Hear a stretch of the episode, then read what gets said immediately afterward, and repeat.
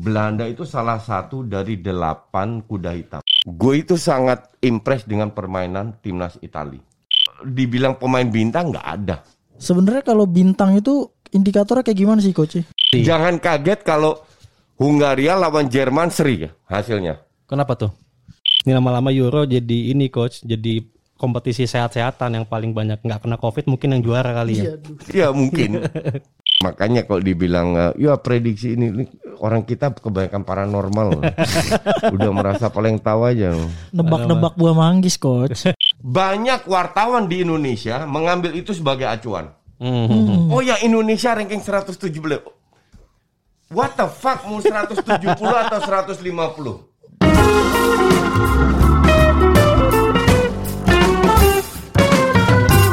Ya, selamat datang di podcast Fluid Panjang, baca berita dan prediksi bola di fluidpanjang.id. Ada gue di sini Ikhwan. Sama gue Rizdo. Dan, Kita dan gue Justin. So, ya, kita di episode kali ini kita masih sama coach Justin. Kali ini kita akan sedikit analisa dan preview prediksi Euro 2020. Ya, eh, coach ini sebagai fans Belanda gimana coach melihat eh, peluang Belanda di gelaran kali ini coach? Hmm, Belanda itu salah satu dari delapan kuda hitam menurut gue. udah hitam nih statusnya nih Belanda nih. Gue tidak melihat ada satu tim yang benar-benar dominan. Gue tidak melihat ada satu tim yang prestasinya konsisten. Dan gue tidak melihat ada satu tim yang isinya pemain bintang semua. Pemain Meskipun Jadi- Prancis gitu-gitu. Jadi Hmm, gimana tuh? Perancis, kalau lu bilang Perancis di atas kertas ada beberapa pemain bintang. Portugal ada beberapa pemain bintang. Hmm. Kalau lu nonton kemarin Portugal lawan Spanyol, Iya Portugal lawan Spanyol. diobok-obok Portugal. Lu lihat Prancis setelah Piala Dunia, diobok-obok sama Belanda di Nation League. di Nation League ya benar. Ngerti? Jadi that's why kenapa Jerman datengin tarik lagi Müller dan Hummels, Hmm, hmm. Prancis tarik lagi Benzema, Benzema. karena performanya itu menurun. Hmm, Performanya itu menurun. Jadi kalau dibilang mereka kuat di atas kertas, yes, absolutely. iya.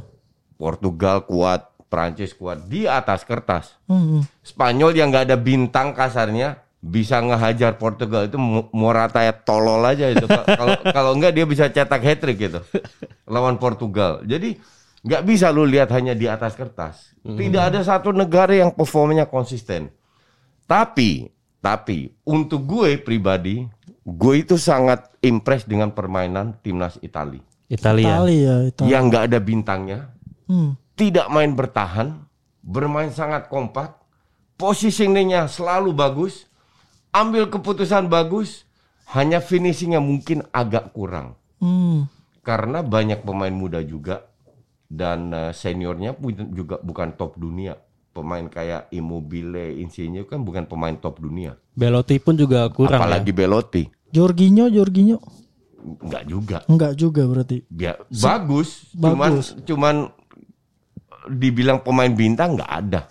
Sebenarnya kalau bintang itu indikatornya kayak gimana sih coach? Bintang indikatornya yang setiap minggu tampil konsisten, Ah, setiap minggu bisa memberi kontribusi terhadap timnya, entah itu sebagai defender atau sebagai attacker. Hmm. Iya, contoh, itu terlepas posisi ya. Contoh, ah. eh, S- Van Dijk Van Dijk, Van Dijk sebelum cedera nih berarti ya. sebelum cedera, Ah. itu pemain bintang. Van Dijk itu bintang. Frankie De Jong itu pemain bintang. Bruno Fernandes itu pemain bintang. Bruno Fernandes. eh Ruben Dias Oh, Ruben itu pemain Dias. bintang. Halan pemain bintang. Lewandowski pemain bintang. Berarti kuncinya kalau bintang itu menurut coach adalah pemain yang each week itu bisa ngasih kontribusi yang konsisten gitu Konsisten. ya. Konsisten ya terhadap klubnya. terhadap klubnya tim yang dibela ya. Iya. Hmm. Nah itu kembali lagi ke Italia. Ini coaching lihatnya eh, ini bisa berpulang juara berarti nih kalau Italia itu. Nggak bisa dibilang juga karena ini sebuah turnamen bukan kompetisi. Hmm, tergantung. Kalau ini kompetisi panjang, Italia punya peluang besar untuk juara. Hmm. Tapi turnamen tergantung drawing, Oh, lawannya siapa. ya. Ka- Kalau lu ketemu parkir bis, untung-untungan juga. Hmm. Dan sebagian besar setengah dari tim yang yang bukan setengah, Gue tadi sebut 8 tim kan. Iya, Iya delapan. 8 kuda Nah, hitam. mi- minus 12, min- sorry minus 24 yang ikut kan. Iya. 16 tim Nah, lainnya berarti. 16 tim itu cenderung parkir bis. Iya, iya pasti pasti. Tim kayak Turki, kayak eh, Finlandia, Denmark, Swedia dan itu kan cenderung parkir bis kalau ketemu tim-tim besar. Ada MU coach ya, Makedonia Utara itu. Iya, betul. nah, sekarang kalau lu ketemu tim yang parkir bis, pemain penyerang lu lagi nggak begitu on fire atau nggak punya kualitas kayak Halan atau Lewandowski, selesai juga kan? Iya. Kena juga jadi kalah lagi Iya, malah. bisa banget. Hmm. Maka dari itu tidak ada satu tim yang favorit. Nah, Hmm. kalau mau juara kan berarti harus peringkat satu. Ini di ranking FIFA sekarang eh, ranking satu itu adalah Belgia. Belgia. Iya, Belgia, itu Belgia. gimana coach menurut Iya. coach Belgia saat ini? It- itulah gue gue nggak setuju. itulah gue selalu ditentang dengan banyak bahkan di box to box juga. Gue selalu berlawanan dengan yang namanya Ranking FIFA. Ranking FIFA. eh Rossi lah, Dex lah, Rana lah, siapa lah, Iya, iya, Pangeran bahkan. Iya, iya. Karena mereka itu terlalu data. Iya, iya, iya. Sekarang gue tanya berapa kali Belgia masuk nggak usah juara, fin- masuk final dah Nol. nol. Kok bisa ranking satu? Ya itu itulah emang FIFA emang agak agak Kan kurang jelas lucu sih. gitu loh. FIFA Iya, iya. ngitungnya dari friendly friendly match dari kali. friendly. Iya. Jadi Sedangkan kalau- friendly- jadi, jadi kalau lu ketemu tim tim yang kroco lu friendly menang lu Iya. kumpulin banyak duit terus ranking. Makanya itu sih paling.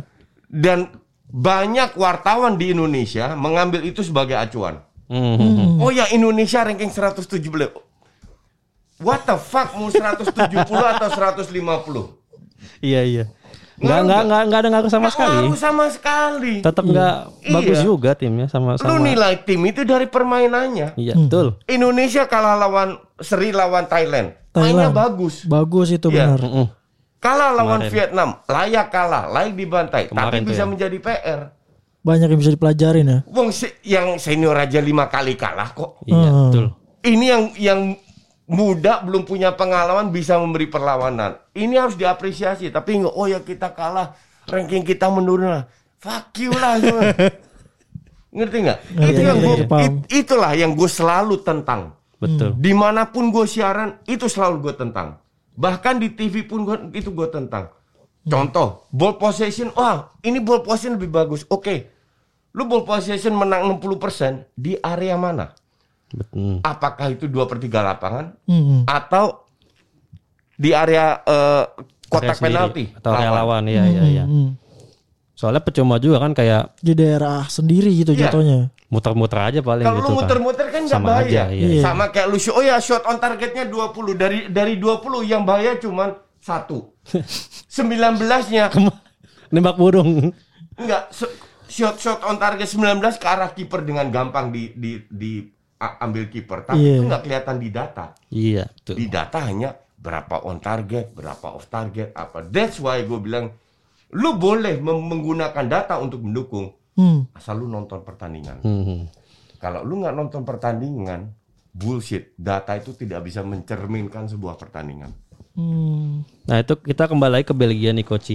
Coaching lihatnya gimana nih peluangnya Bel- Belgia? Masanya Belgia itu udah lewat. Udah lewat ya. Masa emasnya udah lewat. Ya sih dia terlalu Berarti mentoknya ke mana tuh ya di Piala Dunia peringkat tiga itu? Peringkat nggak tahu. nih. Iya di Iya, Rusia pas, itu. pas berapa tahun? Eh, iya. 2018 Iya. berarti. Lu lihat motornya Belgia itu kan di Hazard, Hazard aja di Madrid. drop. Iya, betul. Lukaku di Serie A hebat. Ah. Tapi kalau lu ngelihat Lukaku butuh 2000 peluang untuk bisa cetak satu gol. Dan nggak heran dia gagal di IPL. Hmm. Ah. Sama sekali gua nggak heran. Iya, iya. Makanya kalau masih ada yang ngambil dia goblok aja itu tim. IPL ya. Iya iya. Itu Nah, Chelsea City paling dia. Kalau lihat defendernya Belgia itu udah lewat masanya. Ya, Iya. betul. Alderweireld lah, Vertonghen. Vermaelen lah, Vertonghen lah, Iya. diganti Denayer sama siapa? Boyata. Bo- ya, Boyata. Boyata bisa, come on, ngerti nggak? Iya ngerti ngerti. J- Jadi Jauh lah. masa mereka udah lewat. Nah, pada saat masa emasnya di mana mereka juga rank satu, nggak perform, paling rank apa? Rank tiga ya, atau atau Peringkat tiga. ya, Iya, ya, di atau atau peri- pering- peringkat tiga. Jadi lu mau rank satu itu, ah, lu dapat apa? Nggak ngerti juga gue. Iya, berarti mungkin bisa menyulitkan tim-tim lain bisa lah ya, bisa lolos Oh iya, gitu-gitu. kalau, kalau bisa menyulitkan pasti. 8 tim ini bisa saling menyulitkan. Yang seru itu kan Portugal, Jerman, Jerman sama Prancis. Prancis sama Hungari itu. sama Hungaria. Hungaria pasti parkir bis. Pasti. Ja- jangan kaget kalau Hungaria lawan Jerman seri ya hasilnya. Kenapa tuh? Ya karena Hung- Hungaria parkir bis dan Jerman untuk gue beruntung mereka datengin Müller sama Hummels. Hummels karena Müller dengan Goretzka udah ngecun in kan Oh, di Munchen. in ya, ya. di Munchen. Di Mu- Bayern ya. Cuman Jerman ini orang lupa nggak lama yang lalu dibantai sama Spanyol 6-0. Iya, betul. Baru aja? Nations League. Belanda dua kali beruntun away menang di Jerman. Belanda yang yang mediocre ini loh. Iya, iya, iya. Ngerti nggak? Jadi Jerman pun nggak konsisten. Banget sih sebenarnya. Nah terus siapa? Inggris, come on. Inggris lagi. Inggris lagi. Udah, loh. udah, udah lah Inggris. Eh, Belgia tadi udah, Belanda tetangganya tuh nggak jauh. Gimana eh, sejauh mana tadi? Belanda ini kan mereka itu bermain dengan tiga back. Sebenarnya nggak ada salahnya karena contoh paling bagus pada saat Frank de Boer diminta jadi pelatih ketemu Itali di kandang di Amsterdam main dengan 4-3-3 kalah. Dan kalahnya itu telak, layak kalah, diinjek-injek sama Itali. Hmm.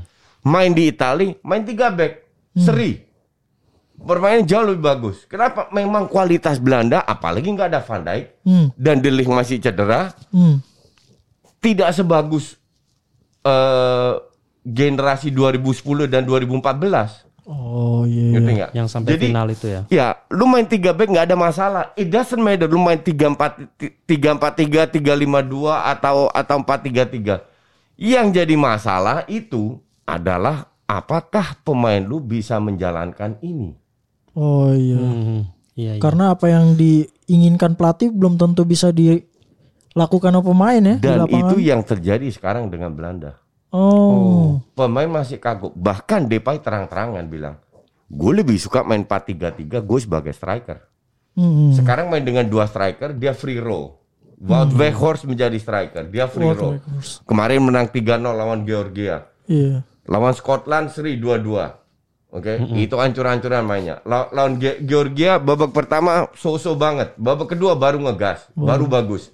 Lawan Scotland dia pas dirubah jadi 4-3-3 baru ngegas. Nah, tapi ini De kan kepala batu. Makanya dia dipecat di mana-mana.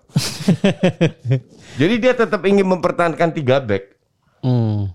Nah, ini yang mem- membuat gua agak ragu karena gue merasa gimana ya pemain ini kan juga manusia. Ah. Mereka profesional, mereka berusaha semaksimal mungkin Hmm. untuk bisa bermain sesuai dengan skemanya pelatih. Iya, skema pelatih. Makanya gue bilang pelatih hebat itu bukan punya sistem pemain harus adaptasi. Hmm, hmm. Tapi lihat pemain gue siapa aja gimana caranya. Baru gue buat game sistem biar pemain gue yang biar sistem beradaptasi dengan kapasitas pemain.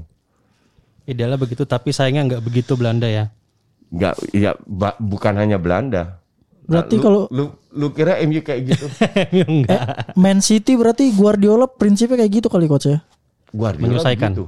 Guardiola begitu. Makanya bisa berkembang terus Makanya dengan bisa hal-hal ber- baru. ya, tiga kali juara dalam 4 tahun terakhir di Champions di IPL itu bukan hal yang gampang. Iya.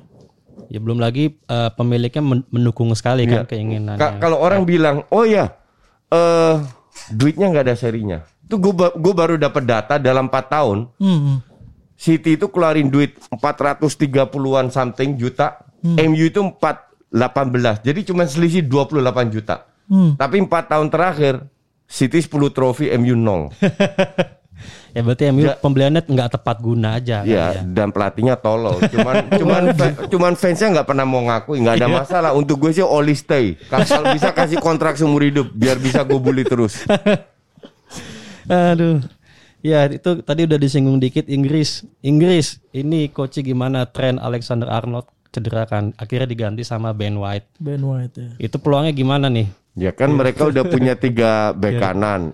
Iya. Terus di, diganti Back tengah. diganti back tengah yang bisa main juga sebagai back kanan. Bisa ya Ben White. Jadi gue nggak ngerti juga nih si si Southgate. Sa- Southgate ini pemikirannya apa. Padahal midfielder ini cuma lima. Ah, Attacking midfield cuma satu. Mason Mount doang. Iya. Iya kan? Jadi gue gue nggak paham. Ya di- dia cuma bisa berharap Mason Mount nggak cedera aja. Iya bahkan dulu kan sampai ada anekdotnya kan. nobody nobody wants to be Gary Neville gitu nggak ada yang mau jadi bek kanan sekarang mungkin orang mulai pengen jadi bek kanan kali ya orang-orang Inggris biar dipanggil timnas iya nggak bek kanannya Inggris cukup bagus kalau gue bilang. Eh Trippier, Walkers, Walker, Alexander Arnold yang sekarang out. Iya. Rhys James aja gue nggak paham itu pemain this this player is so overvalue, Hmm. Overvalue, Untuk gue. overrated. overrated banget Rhys James ini. Yang gue dulu bilang soal Madison, Hmm, yang gue dulu bilang soal Wilshere, tapi setelah berapa tahun baru kelihatan. Berarti beberapa tahun lagi bisa kelihatan nih kalau emang bener overrated ya coach ya. Betul. sebenarnya tuh apa sih yang bisa ditawarkan oleh Rhys James ini coach Dia punya syutingan keras, cuman lu dia nggak punya visi. Hmm. Hmm. Jadi sering kali positioning salah, crossingnya juga sosok, Hmm. tapi lebih bagus daripada AWB AWB.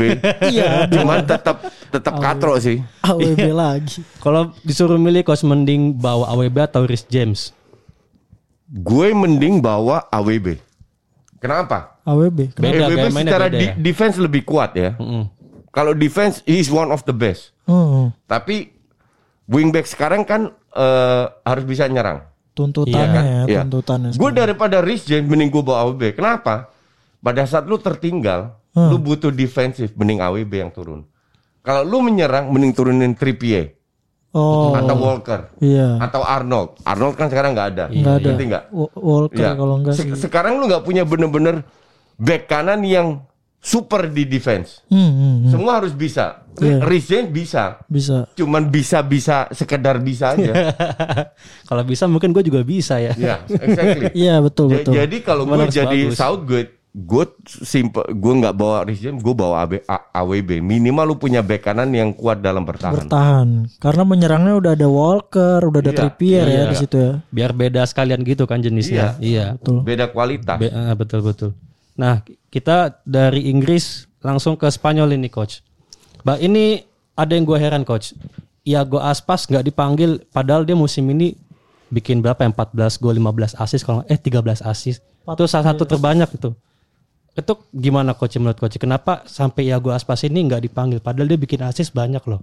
Termasuk salah satu top assist lah di La Liga musim Iya. lalu lah. Mm-mm. Eh, gue rasa Enrique itu memang mengambil keputusan bahwa target dia itu bukan di Piala Eropa, Hmm. tapi Piala Dunia. Jadi dia mau meregenerasikan timnas ini. Karena kalau kita lihat yang nggak dipanggil kan tua-tua semua, Ah, Iya, yang senior-senior.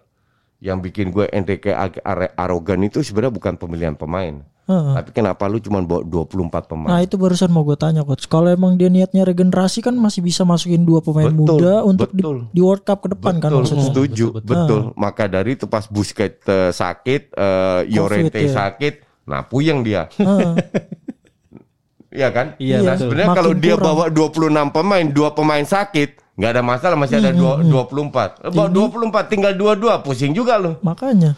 ini lama-lama iya Sama kayak timnas Belanda. Van de Beek cedera, nggak masalah, nggak usah digantiin. Iya, Emang nggak punya peran dia. Jadi yang Dia dibawa nggak ya cuma main. 25. iya iya oh dia 25 doang ya Belanda ya Iya, Iya, 25 nggak doang. nggak dibawa lagi, nggak penting kak. Karena emang udah diperhitungkan, lu nggak bakal main juga. Kan dipersiapkan mungkin ya buat ke di World Cup gitu ya. Karena Van de Beek juga kan masih muda juga kan. Muda dari mana? 24 tahun nggak nggak muda-muda amat lah. udah mendekati peak lah ya Iya. Ini lama-lama Euro jadi ini coach, jadi kompetisi sehat-sehatan yang paling banyak nggak kena Covid mungkin yang juara kali ya. Ya mungkin. Dan itu kem- kembali lagi ke Spanyol. Memang Spanyol nggak ada bener-bener nama yang mentereng ya. Ta- tapi permainannya bagus. Cuman yang gue pertanyakan adalah, gue pernah nonton Spanyol bagus kayak lawan Portugal. Iya, iya. Tapi gue juga pernah nonton Spanyol di mana mereka ketemu parkir bis nggak ada kreativitas di tengah. Hmm. Jadi lebih sekarang pemain kreatif itu paling ya Thiago. Tiago. Thiago kan nggak kreatif Itu kreatif deep amat. dia nggak Iya. terlalu ke depan gitu. kan. Iya, plus ya Olmo mung- mungkin. Jadi Olmo. lebih pemain depannya harus tapi ya Morata sama Moreno doang. Hmm. Jadi tergantung dengan sayap. Iya. Nah itu makanya harusnya mungkin di situ Aspas bisa kontribusi coach karena dia kan eh, gelandang serang sayap penyerang kan bisa Ya, kan. gue gue setuju. Bu- bahkan bukan Asensio pun harusnya dibawa. Nah, Asensio ya, Isco Asensio. juga Terus Asensio juga nggak dipanggil. Isco, Inaki Williams pada Inaki saat lu Williams. tertinggal, lu butuh seorang striker yang cepat atau apa ketemu Hmm. tim-tim yang eh, parkir bis buat counter. Jadi ada beberapa pemain yang harusnya layak dibawa tapi nggak dibawa. Tapi kembali lagi itu hak prerogatif Iya, betul, pelatih. Iya, iya. Jadi kita kal- kalau mainnya kayak kemarin kayak Portugal bisa konsisten, bisa aja mereka juara Dengan skuad yang seperti ini ya, dengan squad yang seperti tidak menutup kemungkinan. Ya ya ya. Padahal ada Traore pun dipanggil gitu yang nggak terlalu konsisten musim ini kan. Iya, that's why gue gue nggak paham lah Enrique ini gimana apa apa maunya. Cuman ya udah kita lihat li- lihat aja eh, apa namanya. Hasilnya di lapangan nanti ya, Ya. pas Spanyol main ya. Ya, ya betul. Nah kalau untuk mencari juara ini kan kita juga ada juara bertahan World Cup ini Prancis. Prancis. Ya. Nah dia udah kembali Karim Benzema kembali setelah lima tahun ya di- eh, absen. Ya. Ini menurut coach gimana? Ini apakah akan semakin menguntungkan Prancis atau gimana? Soalnya kan kemarin Benzema dia pas friendly penalti nggak masuk ya. Iya. Hmm, pas friendly. eh jelas Benzema itu untuk gue salah satu striker terbaik di dunia ya Saat ini ya. saat ini. Jadi jadi kalau dia di, dipanggil tuh pasti sebuah plus point. Walaupun dia di match pertama nggak bisa main. Hmm, Tapi ya kalau orang harus milih daripada Zero atau Benzema ya jelas Benzema. jelas lah. Cuman eh, kerjasama antar Benzema dan Griezmann ini harusnya lebih bagus, lebih lebih dari bagus daripada sebelumnya sehingga sehingga beban itu nggak hanya berada di pundaknya Mbappe Ya, yang, ya, yang yang di cover ketat terus. At least ada Ada yang di bisa pembeda. Benzema dan juga Mbappe sehingga, sehingga si Griezmann bisa memanfaatkan Hmm. ruang di situ. Jadi ini sebuah plus point untuk Perancis. Tapi ya kembali lagi eh Perancis ini secara individu kan kita udah bahas tadi bagus. Hmm, Cuman mainnya nggak selalu bagus ya. Terutama pemain tengah. Pogba emang selalu main bagus. Hmm, Nggak Pogba. juga. Anggot-anggotan, nggak di Iya. klub nggak di mana, nggak nggak jelas juga. Tapi ada Kante kan nih. Ada Kante, tapi Ka- Kante kan bukan Superman, satu orang doang. Aduh. Iya kan? Ini kan 11 lawan 11. iya betul juga sih. Itu menurut coach nanti selain Pogba Kante siapa yang akan nemenin di gelandang tengah itu? Eh feeling gue sih eh Rabiot. Rabiot ya. Rabiot. Gue juga kepikiran Rabiot barusan. Berarti 4-3-3 nih enggak 4-2-3-1 lah. 4 4 3 3. Di, 4-3-3. di, di mana wingernya pun juga turun ke bawah. Mbappe eh, Benzema. Mbappe Benzema kanannya siapa nih coach? Kongman kan? Koman ya? Ya. Aman. Koman berarti menurut coach ini Prancis eh, bisa nih ya untuk eh, tampil sejauh mungkin di Euro kali ini. Iya kembali lagi bisa ya bisa enggak. Si Pra- Prancis ini ki- ki- kita lihat betapa tidak konsistennya Mbappe. Di, di negaranya sendiri udah nggak juara. Ya di Di, PSG. di ya, Champions Prancis. League juga lawan Barca cuma satu leg bagus, leg kedua nggak kelihatan. Iya. Lawan Munchen pun sama kayak kayak gitu. Lawan habis itu ketemu City ya mereka. Iya, Ketemu ketemu Ya, lawan City juga di nggak nggak kelihatan.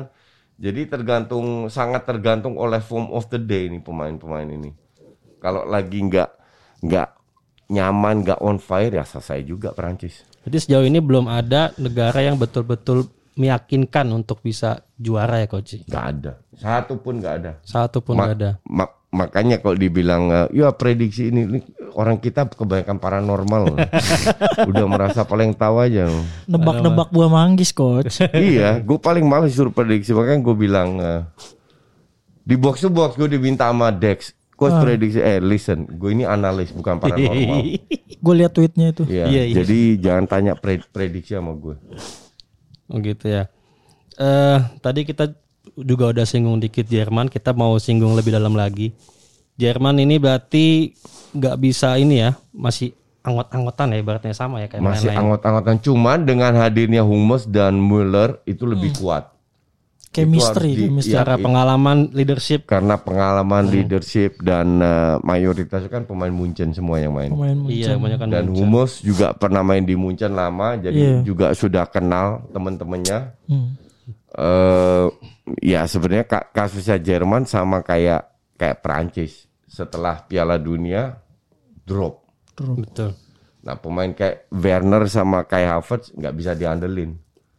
Kadang-kadang lagi- bisa bagus, kadang enggak. Hmm. Ya, belum lagi ini kan Marco Reus nggak ini kan nggak nggak nggak nggak ikut dia. Enggak ikut Dia juga. memot- dia ini memutuskan untuk nggak dulu katanya Iya. untuk kesehatan dia sendiri. Karena dia dia sangat rentan cedera ya dan Iya. musim ini kan sangat panjang untuk pemain. Kaki kaca dia tuh kalau di, di Ja- jadi banyak sekali yang apa namanya yang cepat cedera lah kasarnya begitu. Hmm, hmm. ya karena pandemi juga kan jadwal padat ya kan. Jadwal padat betul. Kita ke tim Portugal ini Koci. Ya. Kan ada anggapan itu eh, timnas Portugal katanya main lebih baik kalau tanpa Ronaldo. Ini kata ini ya kata pandit-pandit Portugal di sana gitu. Eh, soalnya kebanyakan pemain-pemain Portugal tuh cenderung untuk eh, cenderung buat passing bola ke Ronaldo, kasih bola save ke CR gitu-gitu. Hmm, hmm. Menurut Koci gimana Koci? Apa itu betul? Hmm, gue lihat Portugal ini kan udah bahas tadi bahwa pemainnya tuh bagus banyak. Banyak Banyak, bintang ya. Porosnya semua. bintang semua. Hmm. Cuman gue nggak suka pelatihnya. Pelatih Fernando Santos. nih. pelatihnya ini sangat miskin taktik. Maka dari itu kemarin menang 4-0 lawan Israel, sebelumnya diobok sama Spanyol yang nggak konsisten. Hmm. Nah mereka pas juara Eropa Iya, 4 Eropa. tahun yang lalu itu juga tiga kali seri di grup. Beruntung rank 3 bisa lolos. Iya. Jadi faktor lucknya gede. Cuman Portugal ini kayak ular. Jadi tim yang sneaky, nggak ada peluang tiba-tiba berkeluar satu peluang satu gol. Hmm. Terus bertahan, terus menang. Efektif enggak sih Efektif, efektif banget. Efektif kan? Iya, tapi nggak enak untuk ditonton. Iya, Tujuannya kan menang. Tu- be- betul tujuannya menang. Cuman berapa kali lu bisa menang kalau cuman ngandelin counter doang? Oh iya betul. Iya kan? Nations League juga dia kan juara. Iya betul. Eh, Cuman sebelum-sebelumnya berapa kali juara? Nggak pernah kan? iya belum. Udah lama juga tuh. Exactly. Maka dari itu bukan udah lama, nggak pernah juga kan setahu tahu gue. Kalah dari yang lebih pragmatis malah kan Yunani Iya. itu di 2004. Ma- maka dari itu gue bilang sistemnya ini lagi kebetulan aja lagi bagus. Pas sama dia. Cuman nggak bisa selalu karena nggak ada tim yang beruntun juara dengan bertahan. Ah, Yang ada tim beruntun juara dengan bermain menyerang. Brasil, Jerman, dan you name it lah. iya. Karena masa bertahan itu masa Catenaccio itu udah lewat. Sama Italia aja udah ditinggal. Mm-mm, betul. Italia pun yang ibu kotanya bertahan aja udah pergi ya. Iya, udah udah udah udah udah ditinggal lah. Iya iya. Nah sekarang pela- pelatih ini emang dia nggak bisa ngapa-ngapain pemain bintang ini cuma ngandelin skill aja. Iya benar. Maka dari itu yang terjadi ya performa tidak konsisten. Ya padahal mereka kan punya ada Bruno, ada Jota, ada Ronaldo dan lain-lain. Ada Ronaldo, ada Felix, Ruben Dias, Bernardo ada Silva. Joao Felix, ada Cancelo. Cancelo. Pemainnya bi- banyak pemain bagus. Iya. Cuman ya itu emang pelatihnya miskin taktik ya. Nah eh, selain 8 tim ini Koci ada nggak tim yang kira-kira bakal mengejutkan? Gak ada. Nggak ada sama sekali. Nggak gue lihat eh, Kroasia pun Kroasia berapa kali main udah habis juga. udah lewat. Nggak ada Mandzukic, nggak ada apa udah selesai. Rakitic sudah nggak ada. Nah, kita Ada pensiun. ada. Rakitic pensiun. main, Modric Pensiun. main tapi Nah, kita udah pensiun coach. udah pensiun. Udah, Udah. pensiun. Oh, Tinggal- main deh. Enggak, udah pensiun. Udah nggak ada. Sisa Modric doang sendirian di tengah. oke. Modric, Brozovic, Ya Kovacic, Brozovic, Rebic, Kovacic juga. Padahal cukup bagus ya kalau dinilai dari skuadnya itu. ya lumayan lah. Lumayan lah ya. Ta- tapi gue nggak ngelihat Kroasia bisa kasih kejutan. Gue nggak tahu apa ya. Eh Turki juga enggak. Turki. Turki ada Burak Yilmaz, ada Hakan Calhanoglu gitu-gitu. Turki gue nonton menang lawan Belanda, menang lawan Norwegia, Iya. tapi di di kandang sendiri ditonton sama Erdogan dibantai Latvia. Di Bantai Latvia. Itu Sama aneh. Latvia kalah. Itu aneh ya. Menang lawan Belanda kalau lawan Latvia. Iya, kenapa? konsisten. Karena Norwegia Belanda menyerang, Hmm. Latvia bertahan. Di situ pusing mereka. Jadi tim yang menyerang dia nggak bisa ya. Iya. Jadi Tu- Turki pun juga gue juga nggak ngelihat. Bahkan belum tentu lolos grup juga, segrup sama Italia kan. Iya, sama Wales sama Swiss juga. tuh. Iya, dan itu juga bu- bukan hanya Italia yang nyerang. Wales sama sama Swiss lu lu lu kira full attack? Ya Enggak. pasti enggak.